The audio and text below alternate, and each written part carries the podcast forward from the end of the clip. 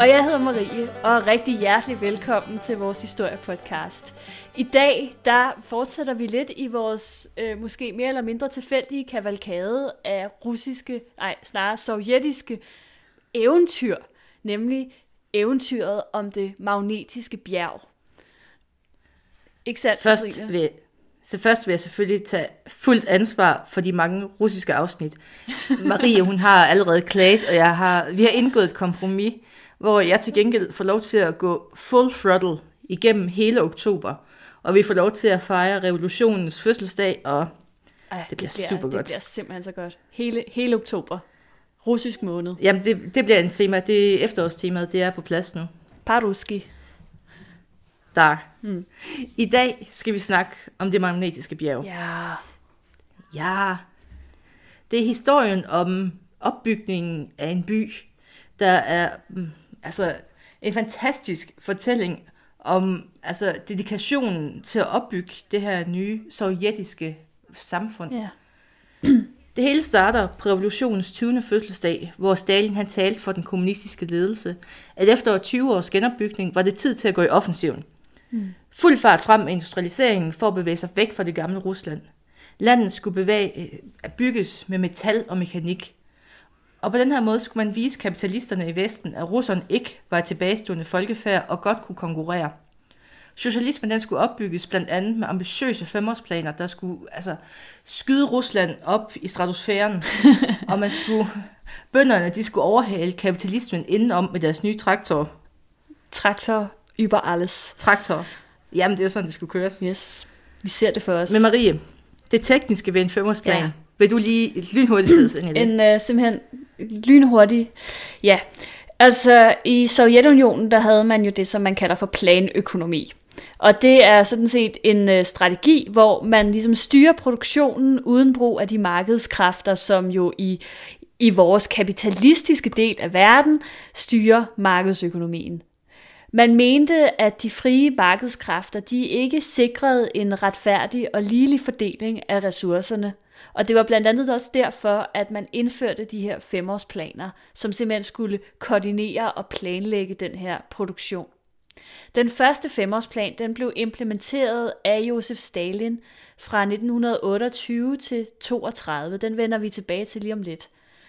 Femårsplanerne de blev udarbejdet af sådan nogle statslige kommissioner, og de indeholdt vejledninger i, hvordan og hvor meget de forskellige produktionsområder de skulle producere. Og fordi planerne de jo blev nødt til at tage højde for alle mulige øh, økonomiske variabler, så blev de uhyre komplekse. Derudover så forhindrede femårsplanerne al form for konkurrence, og med tiden så måtte man også ligesom indse, at det var altså ikke muligt at koordinere og planlægge en så kompleks størrelse som et lands økonomi så mange år ud i fremtiden. Det tog dog temmelig lang tid, før man ligesom fik den indsigt, kan man sige, fordi fra 1928 til 91, der havde man 13 femårsplaner. Det var langt fra dem alle, som løb i alle fem år. Øh, I nogle tilfælde, der blev målene faktisk opfyldt før tid. Det skal lige siges, at at øh, det kan være, at du ved mere om det, end, øh, end jeg gør. Øh, man får måske nogle gange et indtryk af, var det bare propaganda, at de blev opfyldt før tid? Eller var der reelt nogen, der blev det? Øhm, det, det, det kan Nogle være... gange, Ja, så var der nogen, der var overentusiastiske. ja, okay. Fordi man, i 30'erne, der begynder man at lave et system, hvor dem, der overopfylder deres kvoter med for eksempel 100 procent, Ja. ja. de bliver fritaget for at arbejde, og de får medaljer, de bliver hyldet som helte og skal rundt på turné til de andre fabrikker, Sådan. for at fortælle, hvordan man er en god arbejder. Ja. Så, så der var faktisk Det- noget af det, der, der lykkedes. Noget af det lykkedes, Ja. meget af det Men, lykkedes ja, ikke. fordi der var nemlig temmelig mange også, som fuldstændig kuldsejlede øh, af de her femårsplaner, og, og simpelthen blev opgivet. Øhm, de første femårsplaner, de fokuserede på en hurtig industrialisering, og det var især øh, med fokus på den tunge industri, øh, som du også nævnte i indledningen. Og den, øh, den første femårsplan, den begyndte som sagt i 1928, og den sidste femårsplan, den var sådan set planlagt for årene 1991 til 95. Men som alle børn jo ved, så brød Sovjetunionen sammen i 1991, og den blev aldrig gennemført. Den første femårsplan, den blev som sagt øh, øh, i gang sat af Josef Stalin øh, der i, i 1928, og den bestod grundlæggende, som de øvrige planer, af en liste med økonomiske mål. Det var her i den første femårsplan, at de kollektive landbrug blev indført, hvilket medførte en temmelig stor krise, der blandt andet mundede ud i en ret omfattende hungersnød. Det er et helt emne for sig selv, så jeg lader det lige, jeg parkerer den der, tror jeg.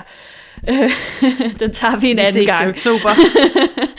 Øh, men et, øh, et helt centralt emne i den første femårsplan, det var nemlig den hurtige industrialisering, som, øh, som øh, udgangspunkt så retfærdiggjorde man det her fokus ved at sige, at Sovjetunionen simpelthen ikke ville kunne forsvare sig øh, mod en invasion udefra, med mindre man fokuserede benhårdt på for eksempel stålindustrien øh, og fremstillingen af våben og diverse andet militær materiel. Og den her trussel, øh, den kom både fra øst, fra Kina, men selvfølgelig også fra de kapitalistiske magter vestpå. Øhm, det der så skete, det var, at man, man satte nogle helt ja, urealistiske krav, er vel mildt sagt, øh, til produktionen. Stalin han krævede en stigning på 110% i kulproduktionen, 200% stigning i jernproduktionen og en stigning på 335% i fremstillingen af elektricitet. Og for at kunne nå de her mål, så blev man jo nødt til at have nogle fabrikker, øh, der kunne producere, og de skulle altså opføre sin rasende fart, så produktionen kunne begynde. Og heriblandt var altså det kæmpe store stålværk i Magnitogorsk, som vi jo kommer til at tale meget mere om lige om lidt. Øhm, der lå allerede en, en landsby her ved det magnetiske bjerg, øh, som øh, bynavnet ligesom betyder, Øh, men Stalin han indarbejdede det ligesom i femårsplanen, at der også skulle bygges en stor by, hvor arbejderne fra stålværket kunne bo. Det her fokus på den tunge industri, det betød også, at man blev nødt til at flytte rundt på nogle ressourcer, så industrien den blev tilført mest muligt. Programmer, der ikke var direkte nødvendige for industrien, de blev simpelthen skåret ud af budgetterne. Men det betød altså blandt andet, at man kom til at mangle en række basisting, herunder sådan en, en lidt halvvigtig ting som mad en lille detalje. Detalje. Øhm, som om det ikke var slemt nok, så havde man jo så øh, en, den her strategi med ligesom at fremhæve øh, arbejderne. Nu nævnte du lige, at når det gik godt, så kunne de blive vist frem med medaljer og som helte og så videre. Men man fremviste dem jo også, hvis det gik dårligt øhm, så øh, blev der jo, så var der så nogle tavler på fabrikkerne, øh, hvor man ligesom offentliggjorde navnene på dem, der ikke øh, havde været på arbejde, øh, og, og hvilken betydning det havde haft for, for fællesskabet. Øh, der var rigtig mange efterhånden, som ikke kunne klare presset fra de her femårsplaner, og, og derfor så begyndte fraværet at stige. Øhm, og derfor så begyndte man også at måle hvor meget fravær der var, hvor mange forsinkelser der var i arbejdet, men også bare sådan generelt øh, dårligt arbejde, dårligt håndværk. Øh, på de her tavler, der blev arbejdernes resultater offentliggjort, og hvis ens score den var dårlig, så kunne man altså risikere at blive beskyldt for at ville sabotere femårsplanen. Øh, og så er man jo praktisk talt en klassefjende. Lige præcis, og det kan altså betyde, at hvis du blev kendt skyldig i det, så, øh, så blev du straffet med døden, eller øh, hvis du var heldig, sendt i arbejdslejr. Så øh, det var da lidt af en motivation, kan man sige. Den første... Jamen pisk og guldrod, det var sådan meget tydeligt i Sovjetunionen. Mest bare pisk, ikke? ja. Nå. Den første femårsplan, den kendetegnede sig ved de her urealistiske mål og kvoter. Målene, de var heller ikke rigtig ordentligt defineret. Øh, de fleste af dem var slet ikke skrevet ned, og dem, som var, de blev hele tiden lavet om. For eksempel, når et, når et mål det så var nået, så satte man bare kvoten højere, hvilket resulterede i, at man oftest ikke øh, kunne opfylde femårsplanens, øh, femårsplanens forventninger.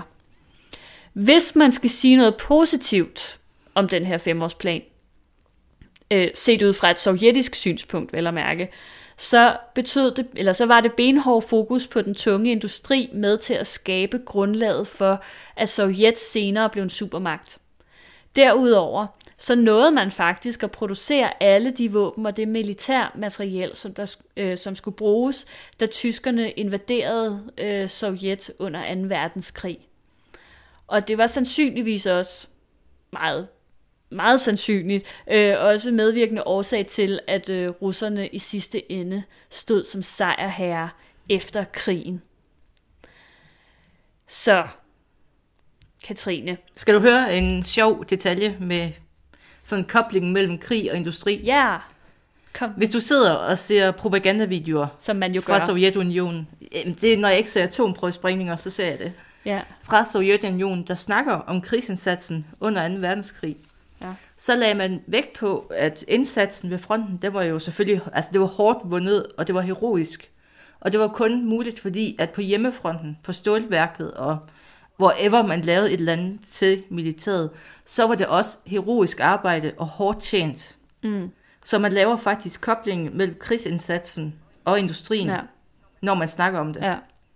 Jeg kan ikke længere... Jeg, En lille detalje. Ja, det er meget sjovt. Jeg kan, jeg kan ikke længere huske procent øh, delen, men, men i dag, altså fordi byen her, den eksisterer jo stadig, Magnito, Magnitogorsk, øhm, og, og, og selv i dag, der fylder det jo rigtig meget, altså de tager jo æren i byen for, at, at, de, at, at man vandt 2. verdenskrig. Altså den, der er mindesmærker og alt muligt, der ligesom hylder, at størstedelen af det øh, stål og jern, der blev brugt øh, i 2. verdenskrig, det kom fra, fra den her by.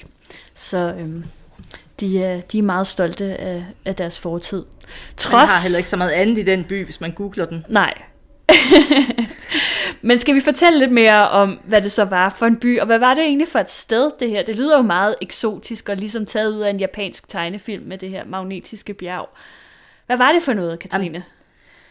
Det var et smukt sted. Ja, uden tvivl. Stalin, han så det her, som om det skulle være juvelen i Sovjetunionens industri. Mm. Det skulle være her, at alt stålet det blev produceret. Det skulle være et symbol på socialisme, man har byg- bygget op fra grunden. Man har glemt alt det gamle fra sartiden, det man ikke vil, altså man vil ikke kendes ved det længere, og nu bygger man noget nyt og noget mm. godt. Ja. Og når man skal bygge noget nyt og noget godt, så er det ikke nok med, at man bygger en by. Man havde faktisk også fokus på i den her femårsplan, at man skulle bygge socialismen. Der var også en, en ideologisk, et, altså et aspekt af det i den her opbygning. Det skulle ikke bare bygges op på en kapitalistisk måde. Man skulle vise, at man var progressiv, og man var bedre end kapitalismen. Mm. Man skulle skabe vækst på et moralsk forsvarlig måde, hvor arbejderne de havde en del af det her. Når de byggede Magnitogorsk, så var det deres stålværk. Mm. Ja. Mm, Det var meget vigtigt. Det var ja. også det, der faktisk gjorde, at mange de blev lukket til byen, fordi at de skulle bygge noget godt. Mm. Ja. Magnitogorsk, det ligger sådan en 70 km øst for Uralbjergene. Og det her område, det er jo kendt for varme og gæstfrihed. Eller noget. Just kidding. det er kendt for en vinter, der var omkring 9 måneder, og det er ikke sådan helt unormalt, at det er minus 40 grader midt på dagen. Mm. Og der er intet, der løber en flod ved siden af, det var her, man lå byen. Og det var, ja, så man forestiller sig, Rusland så ud under sovjettidens, det var, altså, det er the poster child. Det er bare koldt, og det er træls. Og det er bare sådan en, en øde steppe i virkeligheden. Der er ikke Jamen, det- træ, det er en flad der, er steppe og et ikke, der er ikke noget som helst. Altså, det er bare the wild west. Eller the wild east. Som vi siger er i det- Jylland, det er træls. Ja, Og ja, de eneste, der egentlig kendte til det her område i starten, det var hyrder, der gik og havde deres får.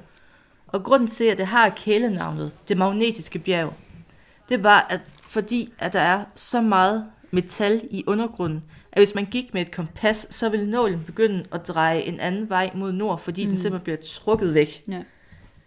Og det er jo selvfølgelig også derfor, Men det var... at det var det oplagte sted at bygge det her stålværk. Ja, ja, altså det, ellers været, altså det havde dum- været dumt selv for Sovjetunionen at bygge et stålværk et sted, hvor der ikke var stål. Ja. Eller hvor man kunne udvinde ja. det, der skulle bruges til Ja. stål. Det er jo det. Altså, just saying. Ja. Men det var jo, det var jo ude, i, ude i ingenting, øh, det her sted. Og, og som jeg læste, at en, en togrejse fra, fra Moskva i, i starten af 30'erne, den øh, til, til Magnitogorsk. Jeg beklager altså det her ord, det er sådan lidt en tunge, hvad hedder det, et svært ord Prøv at sige det fem gange hurtigt. ja. en, øh, en togrejse fra Moskva til, til byen øh, tog over en uge, og man skulle skifte tog fem gange undervejs, hvis alt gik glat, vel at mærke, hvilket det jo sjældent gjorde. Øh, og der er den her historie om en, øh, om en journalist, som, øh, som ankommer med toget, øh, og beskriver, hvordan det pludselig stopper ude i, i det, der synes som virkelig ingenting på en øde steppe. Og han og de andre passagerer, de tror, at toget det bare er brudt sammen igen. Men øh, konduktøren, han stiller sig op og råber, at nu er de altså i Magnitogorsk. Og journalisten, han stiger forundret af toget. Øh, så spørger han konduktøren, jamen, hvor langt er der til byen? Hvor til konduktøren, han svarer tørt, to år. Det er anden gang, du fyrer de russiske humoristiske ting af. Det er sådan smukt. Jeg elsker, jeg elsker, jeg elsker russisk humor. det, det er en undervurderet genre. Det er virkelig en undervurderet genre. Ja. Øhm, ja, så... Men der var, der var jo ikke noget til at starte med derude. Nej, altså der var jo en lille, der var jo en lille landsby, ikke? Øh, som, som, jeg, som jeg sagde før, som, som har ligget der, hvor der måske har boet nogle hyrder og sådan lidt hejs. Men ellers var der jo virkelig ingenting. Man startede fuldstændig fra bunden. Men man starter med en socialistisk drøm. Man starter med en socialistisk drøm, og, og det er jo, at udover at man her vil bygge øh, Sovjetunionens, hvis ikke verdens øh, største og bedste stålværk, så vil man også øh, anlægge den perfekte socialistiske by. Hvordan ser den ud? Ja, hvad er en socialistisk by, må man spørge. Og, det spurgte de også det sig spurgte selv om. de også sig selv om, ja. Øhm, og det var man ikke helt sikker på, faktisk. Øh, man var rigtig sikker på, at det var noget helt andet end en kapitalistisk by, selvfølgelig. Ja, det var, det var sådan det vigtigste, bare det ikke var kapitalisme. Ja, og hvordan ser en kapitalistisk by så ud? Jo, øhm, de var ligesom kendt for de her, altså selvfølgelig store byer med deres snævre gader og stræder, hvor slummen den ligesom vokser. Og derfor så besluttede man, jamen den socialistiske by, det må altså være en by, der består af store, brede, oplyste boulevarder. Og langs med dem, der bor arbejderne i store, skinnende boligblokke. Øh, derudover så var den kapitalistiske by øh, jo, som vi ved, fordærvet af alkoholisme og andre laster, og det skulle selvfølgelig ikke være tilfældet i den socialistiske by. Nej, der skulle folk have så travlt med at øh, øh, hvad hedder det, øh, gå til alle de her forskellige kulturelle tilbud, som øh, byen flød over med, at de slet ikke, og selvfølgelig deres arbejde, at de slet ikke havde tid til at, at have alle de her laster, og slet ikke havde lysten til det heller. Øhm, og modsat de kapitalistiske byer, så var den socialistiske by kendetegnet af og grundlagt på håb, optimisme og fremgang. Det er meget smukt. Jamen, jeg sidder der også og bliver helt rørt. Ja, ikke? Jeg savner sådan lidt eller andet russisk propagandamusik i baggrunden. Jeg ved ikke, om det er noget, du lige kan fikse, når du... Jeg ved ikke, om der er royalties på russisk Nej, propagandamusik. det kan godt være selvfølgelig. Nå, men spørgsmålet er så, hvordan designer man sådan en by? Øhm, vi ved jo, øh, at øh, det måske ikke lige er så nemt at, at designe en by. Øh, Ørestad tænker jeg på, for eksempel. Nå, men øh, i øh, januar 1930, der blev der udskrevet en arkitektkonkurrence i Sovjetunionen om, hvem der simpelthen kunne udforme og planlægge den her fantastiske by. Og øhm, få, få måneder for inden, der var der faktisk udskrevet en anden konkurrence, øh, der skulle designe en ny boligtype, øh, også til byen her, øh, til, til arbejderne. Øhm, og begge konkurrencer, de havde meget korte, urealistiske frister, som man jo ofte havde øh, i Sovjetunionen på grund af de her femårsplaner. Øhm, og man kan sige, der var selvfølgelig også et vist pres på øh, den her udvikling, at man skulle til at få bygget nogle huse og så videre, fordi man var jo allerede i fuld gang med at bygge fabrikken. Det gik man i gang med meget hurtigt. Øh, og der var altså allerede 40.000 mennesker, som, øh, som var bosiddende i det her område. De boede så i, i telte, som du vil fortælle øh, lidt mere om, om lidt. Ikke? Jo. Øhm, hvad hedder det? Der blev afgivet 19 forslag, og vinderen, det blev så en, der hed øh, Tjanyshev, eller noget i den stil. Tillykke til ham. Tillykke til ham. Hans øh, plan inkluderede blandt andet, at man skulle have en masse sådan offentlige folkekøkkener. Jeg tror, man kan oversætte det til folkekøkkener, eller offentlige spisehaller, eller sådan Ja, men folkekøkken Ja, er egentlig meget godt ja. ramt. offentlige bade og læseværelser. Alt var, skulle jo være ligesom fælles, og det var jo et stort kollektiv, det her.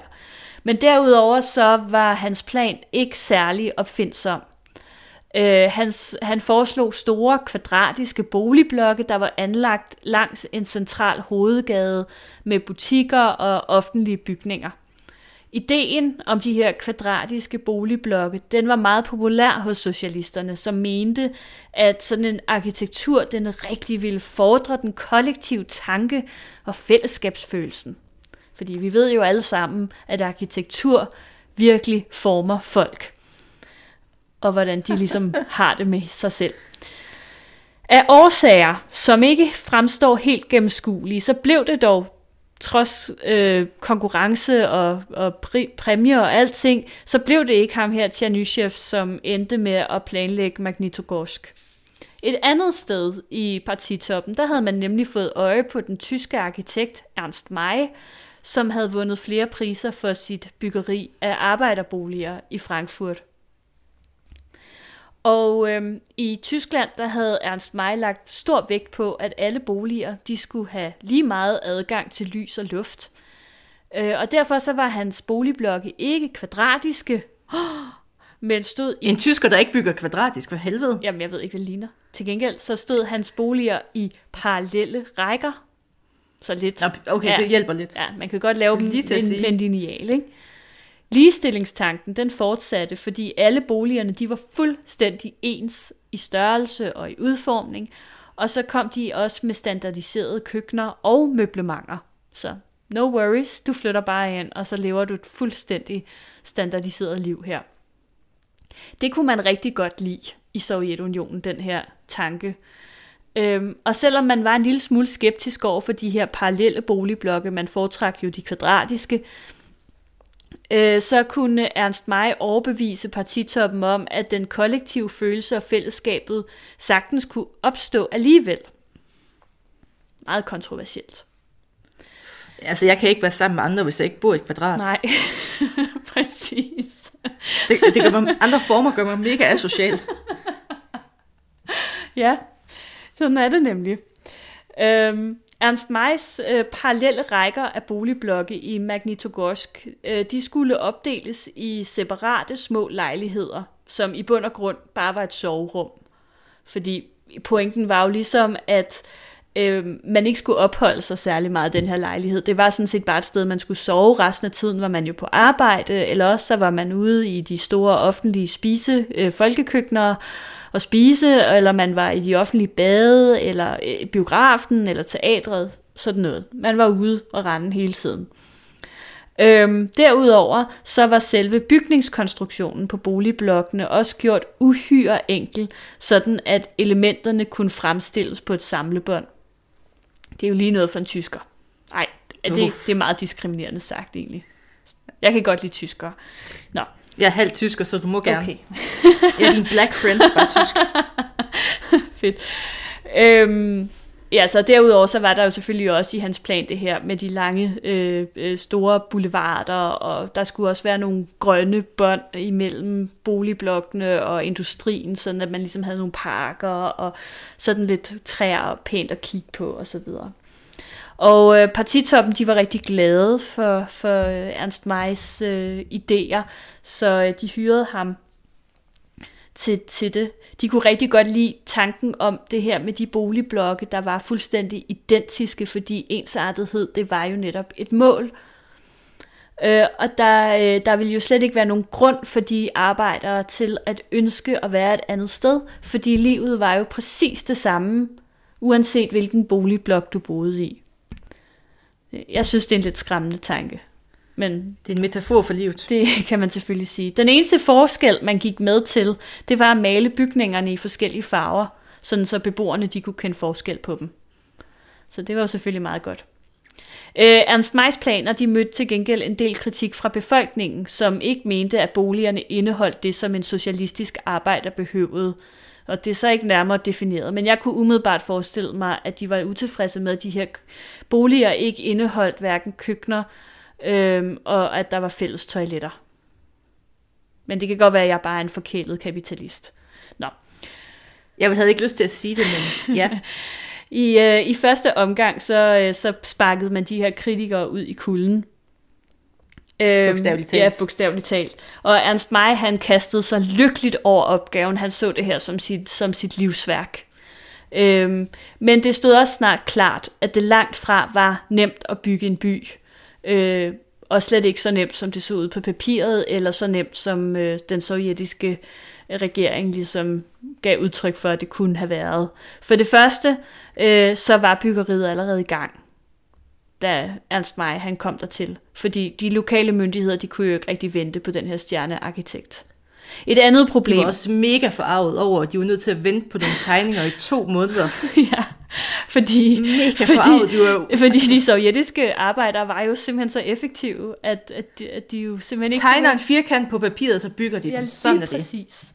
Et andet problem, som Ernst May han havde, det var, at hans byggeplaner, de så, da han endelig ligesom kom i gang med at, at tegne, og de skulle bygge osv., så, så blev hans planer ligesom ændret undervejs, og, og oftest er omstændigheder, som han ikke rigtig kunne kontrollere. For eksempel så installerede man ikke de planlagte radiatorer i lejlighederne af ja, grunde. Ingen ved. Øhm, Problemet var bare, at det var faktisk den eneste varmekilde, som Ernst May han havde planlagt. Og man havde ligesom ikke rigtig tænkt et alternativ. Der var jo ikke nogen køkkener i de her lejligheder, så der var heller ikke nogen sådan ovn, man kunne varme sig ved. Det var jo lidt usmart, kan man sige, tænkt. Når, øh... Man kunne holde sig varm ved tanken om socialisme. det var nok det, det endte med øhm, Derudover så havde mig også planlagt og afsat plads til indendørs toiletter, hvilket jo selvfølgelig var en lidt stor ting der i 30'erne, kan man sige. Øh, problemet var bare, at der ikke var nogen kloakker i Magnitogorsk.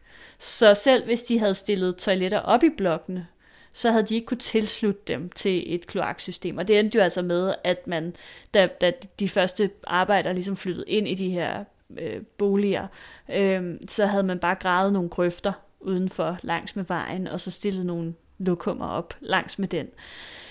Og det var heller ikke så hensigtsmæssigt. Altså nu vil jeg ikke lave et throwback til, hvad vi allerede har Ej. sagt en gang. Hvis, hvis nogen af vores gamle lyttere ja. kan huske det første afsnit om kolera. ja, så ved man ligesom godt, at det måske ikke er vejen frem. Altså rigtig mange mennesker får få toiletter eller lokummer og åbne øh, kloakker. Nej, not the way to go. Øhm, og der skete altså også det, at i foråret, i foråret 1931, der stod der kun to boligblokke klar, og de var ikke færdige. De var kun halvfærdige. Ernst Maj han fik skylden for øh, forsinkelsen af anlægsarbejdet, og også for de konstruktionsmæssige fejl. Og derudover så blev han anklaget for, at hans tilgang ikke var leninistisk nok. Og det var så igen et problem, at han byggede de her parallelle øh, boligblokke, øh, og ikke de kvadratiske boligblokke. Øh, det er øh, formen, der betyder noget her. Ernst May han blev fyret fra projektet, og så rejste han tilbage til Tyskland som en frustreret, bitter og skuffet mand. Oh. Men, jeg føler med ham på en eller anden måde. Ja, men det, det er jo skrækkeligt. Spørgsmålet er jo så, øh, fordi altså det her, det er jo sådan ligesom, øh, hvad skal man sige, måske en indikator på, hvad der var ved at ske med det her sted. Øh, fordi byen, den, den var der jo, uanset om der var en byplanlægger eller ej. Og det kan du fortælle noget mere om på en eller anden måde. Jeg skal prøve på en eller anden måde. Ja. Jamen, som sagt, i starten, der var der ikke rigtig noget, når du kom med toget. Nej. Der var lidt mark på den ene side, og der var en landsby på den anden side, og tada, det var det, du havde. Mm. Så derfor blev der sat telte op, hvor der bor sådan en 30-40 mennesker, der sover på hømadresser. Mm. Nu ved jeg ikke, jeg har været pigespejder, jeg har engang sovet ude i minus 2 grader, og jeg var vidderlig ved at dø, tror jeg. Forestil dig at tage sådan en vinter på 9 måneder med minus 40 grader. Mm. Russerne gjorde Ja. et andet stof. Det, det tror Nu jeg er du på. godt nok altså, fra Hedensted, men... men det tætteste på Rusland, du kommer. ja, det sagde du, ikke jeg. Ja. Derefter så opgraderer man med hvide barakker. Og det, det var jo egentlig bare, altså der bliver sat en krydsfinerplade op, og så er det en barak, mere eller mindre. Ja, så har de ikke noget at klage over længere. Og grunden til, at man ikke startede med at bygge små huse, det var, at nu hvor vi var blevet et socialistisk samfund, så betød familiestrukturen ikke det samme længere. Mm. Fordi en familie, altså far, mor og børn, det er en kapitalistisk konstruktion.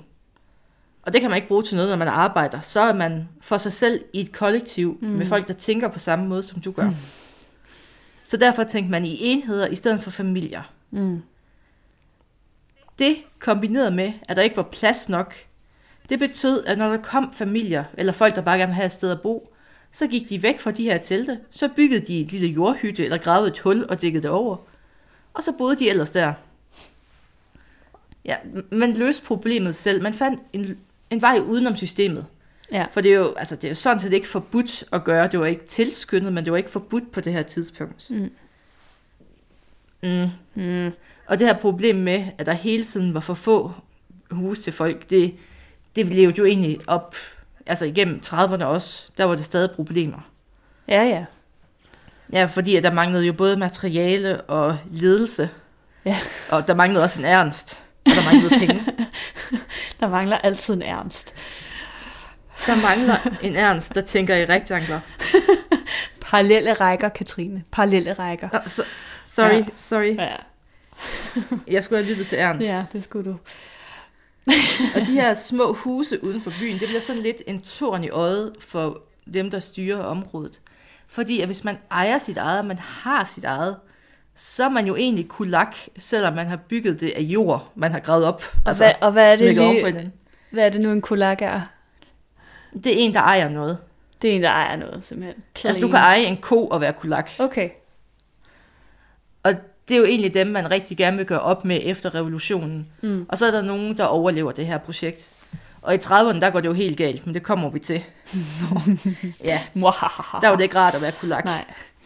Lad mig sige det på den her måde. Mm.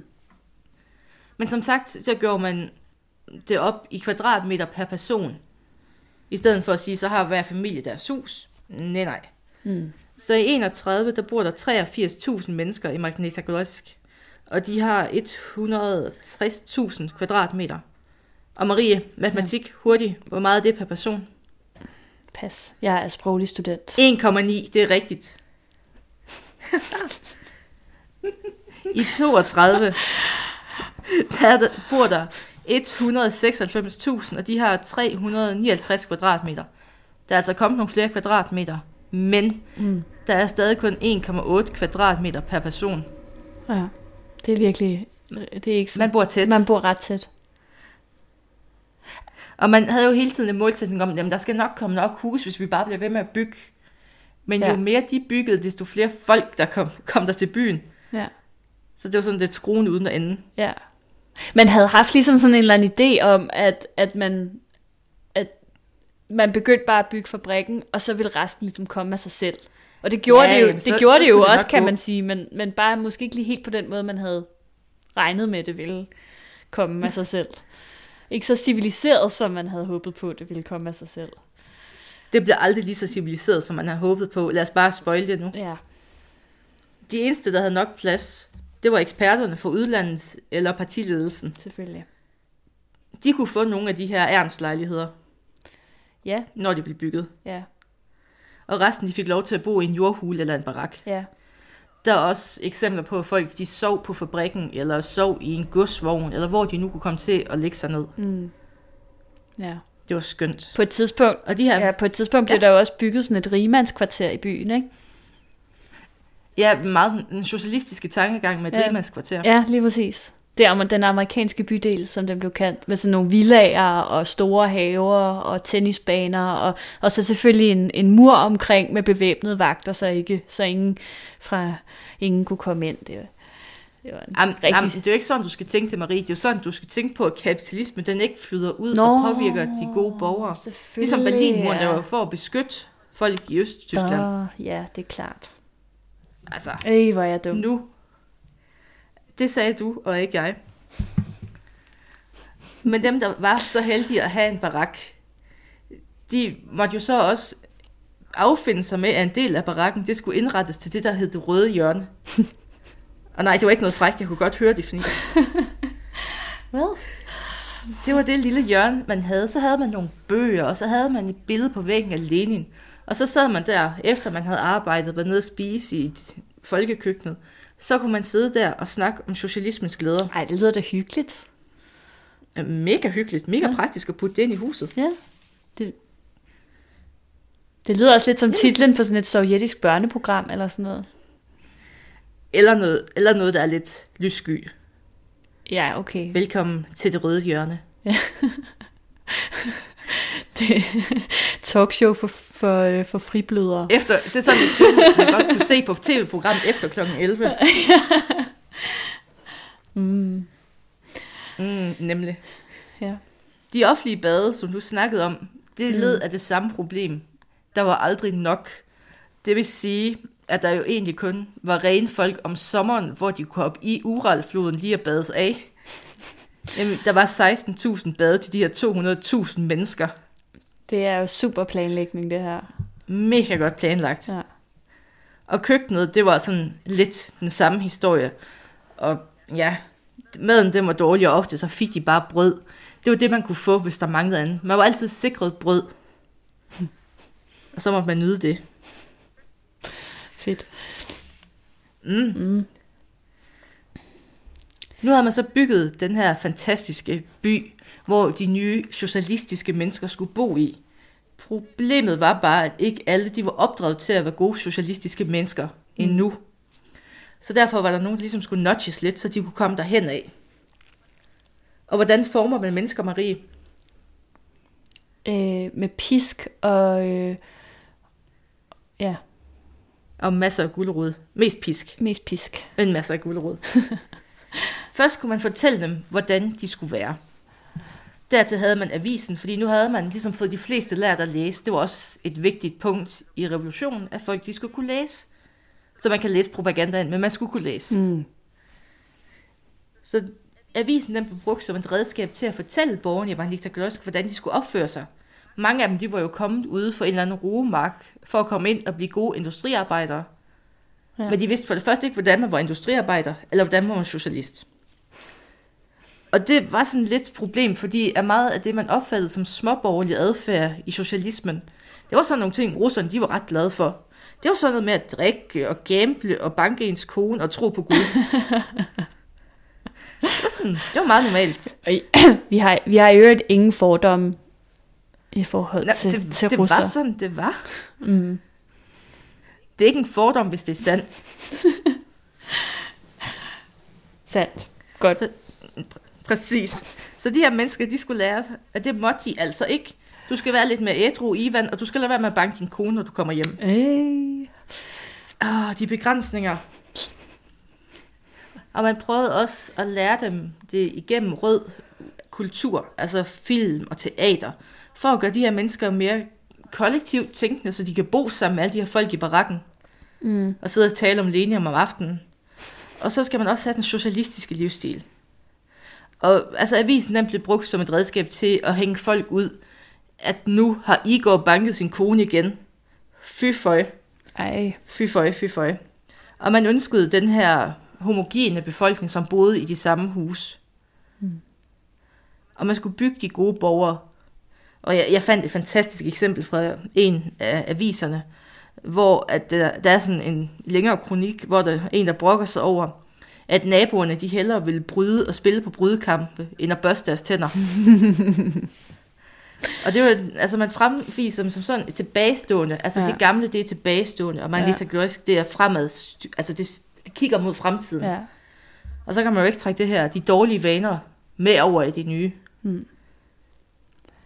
Men, men, Og øh, menneskene, der sådan rykker til det her sted, det kan man groft opdele i to grupper. På den ene side, der har man dem, der ikke havde et valg.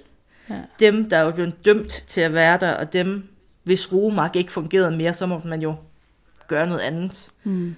Tage ind og bygge noget kommunisme. Ja, fordi man kan måske godt lige også- sige, at, at øh, faktisk så blev Magnitogorsk jo, det var jo et sted, hvor at, at folk de blev øh, ja, sendt hen i eksil. Altså for eksempel en, en fra, Sovjet, eller fra Moskva øh, kunne blive dømt i, til arbejdslejre på det her sted. Altså det var jo både en by, men der var også noget arbejdslejre, og der var også noget tvang, og det var meget Ja, og det er sådan meget udkants Rusland også. må man sige. Det, så, det, er sådan, det var langt ude, Ja. selv for Rusland. Ja. Og så var der også de unge mennesker, som troede på det her projekt, som er vokset op i revolutionsretorikken, at man skal bygge noget nyt, man skal bygge noget stort, og man skal bygge noget godt for at tjene landet. Mm. Mm. Og de var jo, altså, de var, de var klar på det her projekt. For de kunne jo se den sociale mobilitet i det også. I at man kommer fra at være tilbagestående, så kommer du til et sted, hvor du bygger fremtiden. Det, det er meget tillokkende for unge mennesker. Ja. Hvis jeg havde fået det tilbud som ung, så er jeg også taget afsted. Og så var jeg også blevet skuffet. jeg kan godt lide at spise mad. ja, Så er det sagt. Så er det sagt. så er det sagt. Og gå i bad. Jeg er faktisk helt pjattet med bad og mad. Sådan er vi kapitalister. Jamen, jeg, jeg er mega dekadent. Jeg er praktisk talt en klassefjende. Ja. Og en af dem, der tog afsted, og det her, det er en af, altså nu refererer jeg til en af mine yndlingsbøger, mm. nogensinde skrevet. Det var en ung fyr ved navn John Scott. Og det navn, det klinger jo ikke super russisk. Nej. Det var fordi, at han var en ung amerikaner, der var kommet over for Amerika, der man var midt i den store depression. Så der var ikke rigtig noget arbejde til en ung svejser. Så han tager faktisk til Rusland for at finde arbejde, fordi han har hørt, at der mangler man arbejde. Mm. Og han rejser så til Magnitogorsk og bliver senere sendt tilbage igen. Men han skriver bogen Behind the Urals, um, An American Worker in Russian City of Steel. Mm. Og det er, hvis du sidder og har nogle penge, der brænder i lommen, så for guds skyld, gå ind på Amazon og køb den. Den er altså, super god. Jeg kan ikke anbefale den nok. Men ham, den kære unge skot, han ankommer til Moskva først.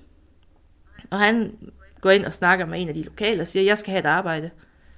Og han bliver sådan sendt lidt rundt, og så til sidst, så får han lov til, og så, så bliver han anbefalet, at han skal ud og se den, det her, det nye vidunderlige stålværk, man er ved at bygge. Ja. Og så tager han den her korte togrejse til Magnitogorsk. Og han, altså, han forelsker sig i stedet, selvom det var lidt koldt og lidt tilbagestående. Men det, han, han kunne sgu godt lide det. Fordi at han synes, det byder på noget andet end Amerika, som måske er gået lidt i stå på det her tidspunkt. Og så her ved siden af, han har man den bulrende fremgang. Det er sådan, jeg havde det, da jeg, da jeg kom til Lolland Falster. Lolland Falster, lige meget hvor langt du er ude og skide dit liv, så er Lolland Falster aldrig svaret, Marie. Husk det. Får vi en masse lolliger og falstring på nakken. Det er et dejligt sted at bo. Vi har været meget racistiske i det her afsnit. Er det faktisk? Men han forelsker sig i det her sted, også fordi at folk de ikke var materialistiske. Han synes jo, det er romantisk, at de ikke fokuserer på altså alt det, man fokuserede på hjemme i Amerika. Her var man glad for at spise en skive brød, og man sled sine ting op, før man købte noget nyt. Mm. På det tidspunkt havde han så ikke helt indset, det var fordi folk ikke havde et valg. Men pja, fred med det. Mm. Og han deler den her entusiasme, de unge deler. Og Scott, han refererer til et tidspunkt, hvor han er inde på stålfabrikken. Han har fået arbejde der. Mm. Og så er der en, der er død. Mm. Det er jo fordi, at det var super usikkert. Det, sikkerhed, det var ikke noget, man gik op i som sådan. Nej. Og Scott, han sidder så hjemme om aftenen og snakker med sin ven om den her hændelse. Og vennen, han virker ikke særlig berørt af det. Det er jo det, er jo det der sker. Og vennen, han forklarer sig, at hvis det var sket i USA, så var det skidt. Fordi så var det et menneske, der var omkommet i, i sin tjeneste til kapitalismen, hvor han ikke selv havde fået noget ud af det. Men fordi at det er sket over i Rusland, så er det en, en, altså en ædel død, og han er stolt af, at der er en person, der er død for, at han kan få det bedre, og Rusland kan få det bedre. Så derfor er det okay, at folk dør. Han bliver faktisk en martyr. Ja, men det er jo sådan også lidt den samme tankegang, Ja, man havde ja. under krigen. Altså, der er mange, der dør, men de dør jo for Rusland, og så er det okay. Ja. Mm. Og han fortæller også om de her bønder, der er kommet ind, som aldrig har set en trappe før, og som nu er med til at opbygge det største stålværk i verden. Og det er deres stålværk. Mm. De bygger det ikke for en kapitalist, de bygger det for dem selv. Ja. Og han er også fascineret af den optimisme, man har. At man står med det her stykke brød i hånden, og man så kan sige, at det bliver bedre i morgen, hvis vi opfylder planen. ja. At det er en ukulig Jamen- optimisme, må man sige. Men hvad skete altså, der? Altså, fordi, livet. der, altså, han var jo så ekstremt begejstret for Sovjet. Men så bliver han jo på en eller anden måde sådan, hvad skal man sige, på en pæn måde. Øhm, ja, jeg har ikke rigtig en pæn måde at sige det på. Men de behandler ham ikke så godt omvendt. Hvad? Det, ja, det ender ikke, altså romancen, den ender ikke godt. Nej. Han får knust sit hjerte. Tænk- Ja, som vi snakkede om før i 30'erne, så kommer der en udrensning. Det er Stalin, der er begyndt at blive ganske paranoid på det her tidspunkt. Og det forplanter sig ned igennem systemet, at klassefjender, de skal findes nu. Mm. Altså folk, der er kulakker, hvis du ejer en ko, er du kulak. Mm. Og så kan du ellers blive sendt i arbejdslejr, eller til Magnitogorsk. Jeg mener, de modtager noget, der ligner 35.000. Ja. De havde en ret omfattende arbejdslejr tilknyttet byen. ja, så Ja. ud at arbejde. Ja. Og til sidst, der må Scott også blive sendt hjem, fordi han er jo udlænding. Mm. Og så nogen kan man jo ikke have til at rende rundt. Han kunne jo være en kapitalist i svøb. Ja. Så nogen findes jo. Så han bliver faktisk sendt hjem. Ja. Men når han sidder bagefter og gør status over det, så er han stadig godt tilfreds med det, han har været med til. Mm. Og han sidder også det, jeg mener, han udgiver den i, hvad? Jeg kan ikke huske det. Men han sidder jo, han fortæller jo også, at det var nødvendigt, fordi det var med til at vinde krigen, og det, russerne kunne ikke have været med til at vinde 2. verdenskrig, hvis Stalin, han ikke havde været en hård mand.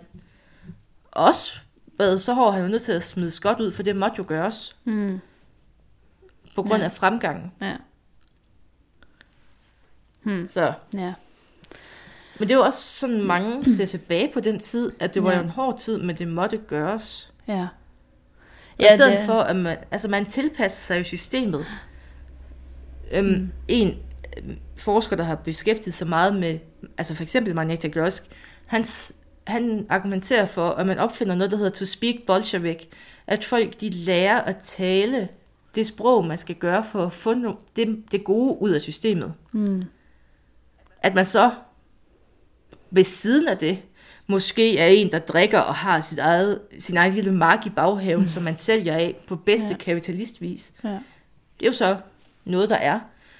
Men når man skal i tale sætte det officielt, så er man en god bolshevik. Ja. Ja. Altså, men, men hvad skal man sige, øh, det korte er det lange. Hvis, øh, hvis man, der var noget med, at, at, øh, at altså Magnitogorsk blev jo ligesom et symbol på hele Sovjetunionen på en eller anden måde, ikke sandt? Jamen, det bliver et, et lille Sovjetunionen, hvor Ja. man har, altså efter revolutionen, den her altså fremstormende tilgang til tingene, og man er entusiastisk, mm. og man vil det rigtig gerne. Ja. Og så er der ligesom et mellemrum mellem, hvad man ønsker og hvad man får. Ja. Og man har hele tiden retorik med, at du skal ikke se lossepladsen, der er lige her, lige nu. Mm. Du skal se altså, børnehaven, der ligger der om fem år. Mm. Altså, nu er det min tur for første gang til at fortælle en russisk joke. Ja. Det er Scotts gode ven, der har fortalt om ham, der snakkede om død lige før. At de sidder og spiser aftensmad, og han sidder og spiser sin ene kartoffel, som de har fået i det her folkekøkken. Og Scott, han havde måske lidt, han var lidt mere sulten. Men vennen, han, han sidder og siger her, jamen, du skal ikke se den kartoffel, jeg har lige nu. Du skal se de to kartofler, der er, når planen er blevet opfyldt, og vi har givet så meget stål, så de kan bygge en traktor, så de kan pløje en mark, så de kan give mig to kartofler. Du skal se de to kartofler. Ja. Ej, men det er, det er smukt. Det er jo en optimisme. Det må man sige. Det er, Prisværdigt. det er, det er jo nærmest det, man kan kalde for jubeloptimisme, må man sige. Altså jeg tænker også lidt på, at altså, noget af det, som jo også står lidt i skarp kontrast til, til, til byen, den her perfekte socialistiske by. Vi, vi har jo så ligesom gjort, gjort redde for, at der var en ret stor kontrast imellem drømmen om den socialistiske by, og så det, man reelt set fik. Øhm, men, men en del af det var jo også, at, at man havde jo ikke ligesom taget højde for al den her forurening, for eksempel, som, som stålværket jo ligesom skabte. At der var jo heller ikke drikkevand nok til, til alle, og det drikkevand, der var, det var forurenet. Og, Jamen, du skal jo se altså, det rene drikkevand, vi har om fem ja, år. lige præcis. Man skal ikke brokke sig nu, fordi vi er på vej hen imod noget, der er fantastisk. Ja, Præcis. Det- Det... er det, jeg siger til min bankrådgiver. Du skal ikke se minuset, der er lige nu. nej. Du skal se plusset, der er, når jeg er fem år.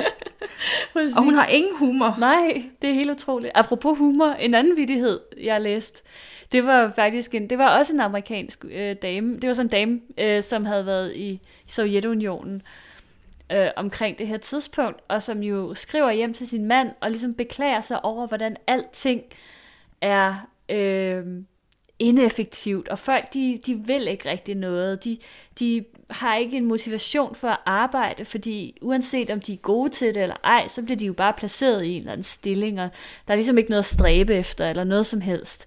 Og der er ikke en eneste elevator, der virker heller. Og faktisk så går der rygter om, at der findes en hel elevatorfabrik, som udelukkende er sat i verden for at producere skilte, hvor der står ude af drift. Det er gennemført. Det var en klassisk russisk humor. Jamen, altså, um, oktober, det bliver en Ja. ja. grinende fest, Ja. ja. kan jeg mærke. Og det kan være, at vi skal lade det være den, den afsluttende bemærkning i den her omgang. Det synes jeg, vi skal. Ja, På gensyn i næste uge.